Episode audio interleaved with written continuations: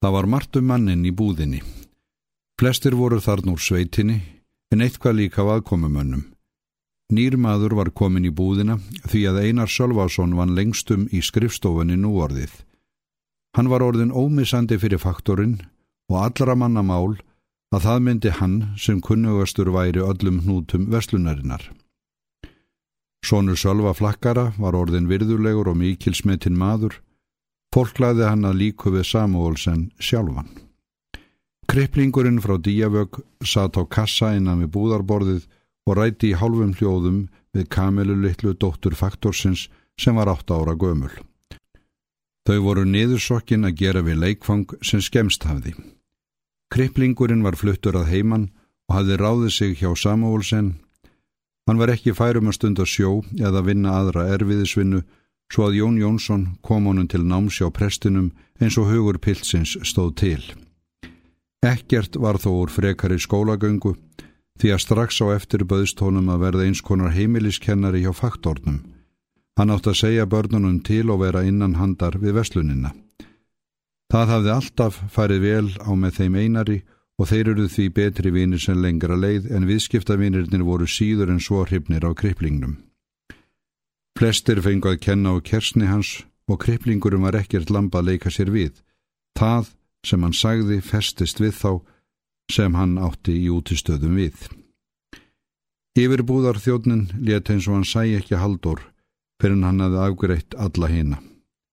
Sigurður hafði gerst feitari og dramsamari með hverju árinu er leið og öll framkoma hans var hlægileg stæling á faktornum.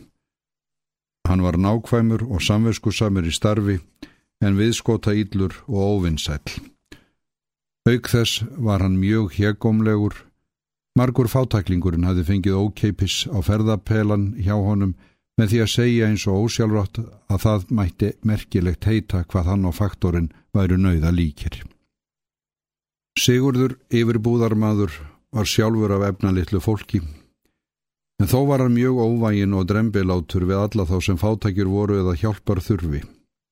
Lagði þessi allan fram um auðmíkja þá og draga úr þeim kjark og séri lagi hafði hann lagt Haldur Bessarsson í einelti. Það var ekki vangert við hann, enginn tók málstað Norlendingsins á Katanesi. Annars kom það fyrir að Samuelsen stóð yfirbúðar þjónin að því að leika einhvert smælingjan grátt og slíkt létt faktorun ekki ó á talið. En um Katanesbóndan gengdi öðru máli, hann hafði bitið duglega frá sér fyrst í stað og enn gat hann verið hættulegur. Sigurður hafði hins vegar einstatt lag á því að ganga eins langt og hinn þoldi án þess að missa stjórn á sér. Hann leik sér að honum eins og köttur að mús. Haldur var það þóla eftirminnilega auðmíkingu í hvert skipti sem hann kom í veslunina í vóginum.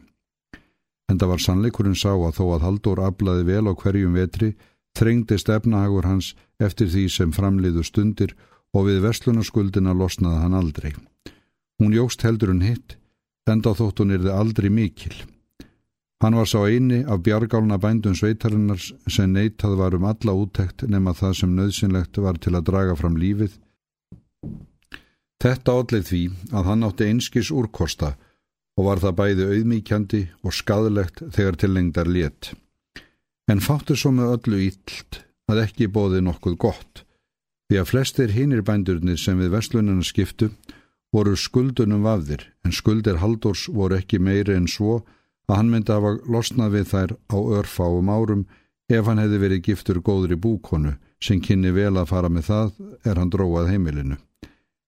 En Marja var þannig kona að hann hlaut að vera ofurseldur baslinu. Það vantaði raunar ekki að hún þrælaði sér út, en einhvern veginn var alltaf engu í höndum hennar og sömulegis var hún ekki til þess færa stjórna heimili því að heimilisfólkið bara enga virðingu fyrir henni. Sjálfur hafði hann unnið baki brotnu öll þessi ár en það stóðaði lítið. Mart hafði lagst á eitt við að gera hann bógin í baki og lotin í herðum. Fyrst framanaf fannst honum þetta óbærilegt, hann var hamslaus af reyði og vildi helst segja skili við þetta allt og myndi kannski hafa látið af því verða ef Gunnarlittla hefði ekki verið. Svo sefaðist hann með aldrinum og sætti sig við þrældóminn, lífið varð rólegt og tilbreytingarlust og hann sjálfur óhörund sárari og afbar það betur. Þess vegna leið hann Sigurði yfirbúðarmanni oft og tíðum meira en ástæði var til og undraðist mest að maðurinn skildi nenna þessu. Hann hafði jafnvel gaman að þessu sjálfur, öðru kvoru. Pilturinn var svo hlægilegur í tilbörðum sínum, upp bólgin og heimskur og augun eins og í Ísu. En þó var auðmíkjandi og lamandi fyrir annanins mann og haldur að verða sætta sig við duttlunga og drembilæti þessa grasasna. Þegar búið var að afgreða allan ema haldur settist Sigurður og stól þerraði framann úr sér svitan með hvítum vasaklót. Aðstóðarmadur hans var út í vörugeimslu og kriplingurinn enn önnum kafin að hjálpa Kamilu enda snerti hann aldrei á verki nema hann væri rekin til þess. Engin leit við katanisbóndanum fyrir en hann væri ekki til. Haldur gekk þá á borðinu og baðum það sem hann þurfti að fá. Þú verður að býða þangað til undirbúða maðurinn kemur, saði Sigurður án þess að líta á haldur.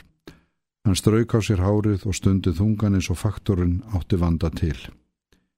Kriplingurinn gaf haldóru hortnöga og virtist ætla að segja eitthvað en hætti við það og helt áfram að bjóstra við leikfangið.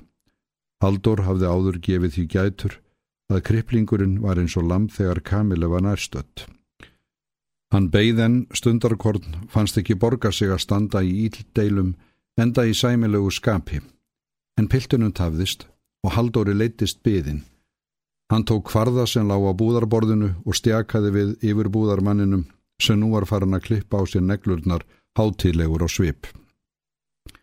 Statt upp og afgreðu mig, þú lítur að vera búin að kasta mæðinni, sagðan stuttur í spuna. Sigurður snýri sér við hægt og virðulega og virti katanisbóndan fyrir sér. Jæja, er það þú sem segir hér fyrir verkum.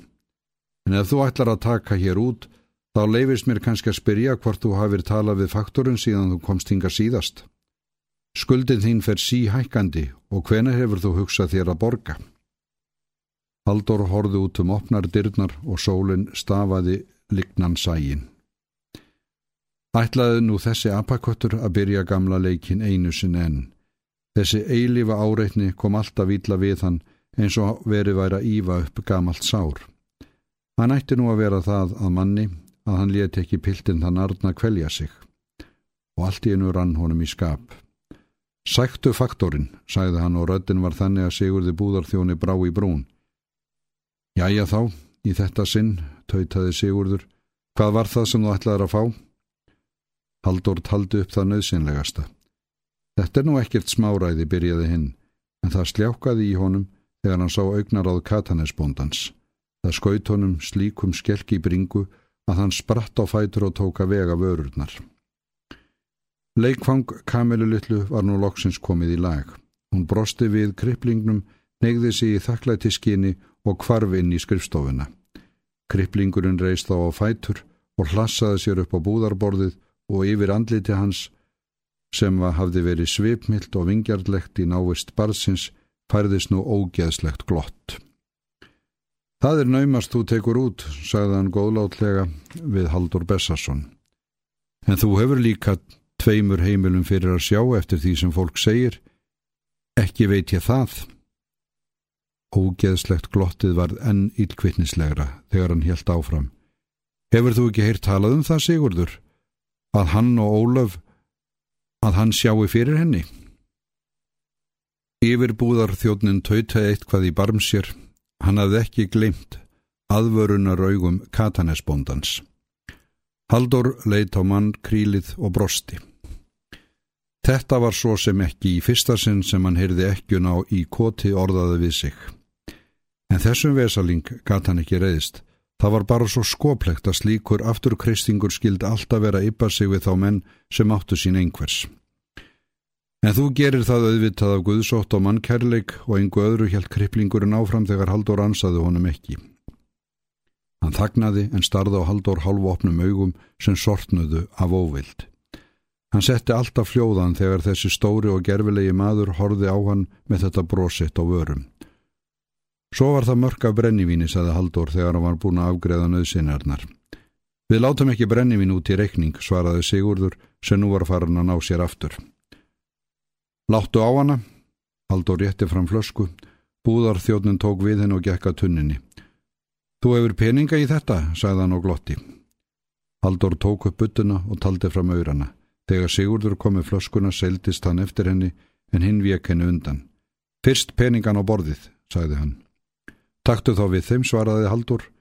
Hann virti fyrir sér fytubólgið andlit Sigurdar og drembilátt ruddalegt glottið og einkennilegur skjálti gerði vart við sig í handlíkjunum á honum. Svo rétti hann fram peningana eins og hann ætlaði að leggja þá í lofa búðarþjónsins og Sigurdur gekk í gildurna.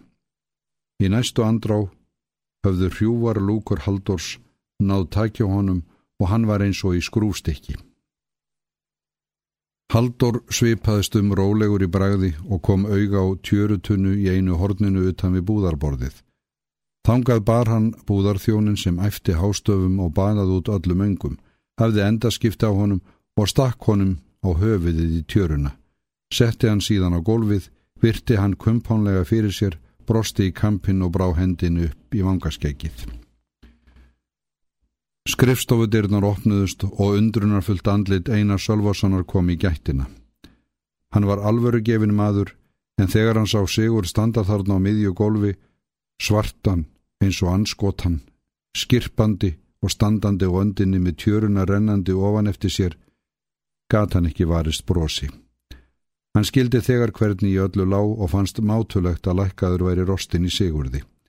Framferði veslunarinnar gagvart katanisbóndanum var einari slíkur þyrnir í augum að hann gatt íðulega naumast á sér setið. En Einar Solvarsson hafði sínar fyrirætlanir og hann hafði diggilega tæmið sér þá lista þeia og býða átekta. En færi allt eins og hann ráðgerði þá skildi vænkast hagur katanisbóndans. Aldur Bessarsson hilsaði Einari gladlega, stakk brennivínsflöskun í brjóstvarsan og fór leiðarsinnar en meðan hann stóð þarna við búðarborðið var þannig snöggvast litið á kriplingin sem var orðlaus af undrun og sá að andlit þessara liðlesku ljómað af aðdáðan. Þessi sonur Jónsi Díavög var honum satt að segja sama ráðgat hann og fadir hans. En nú leik hann við hvert sinn fingur var skapinest að farað kveða. Þó að hann gæti ekki greitt skuldina, þá hafði honum þó tekist að gera upp við yfirbúðarþjónin. Og það var nokkur sem verðt. Þetta er því héraðsflegt strax á morgun. Sigurður myndi ekki eiga sjö dagana sæla fyrstum sinn. Hláturinn og háðið myndi dinni á honum. Öllum þeim sem orðið hafðu fyrir barðin á honum er þið heldur en ekki skemmt. Kanski þið þeim líka hlýtt til katanesbóndans fyrir að taki lurgin á þessum álatungi.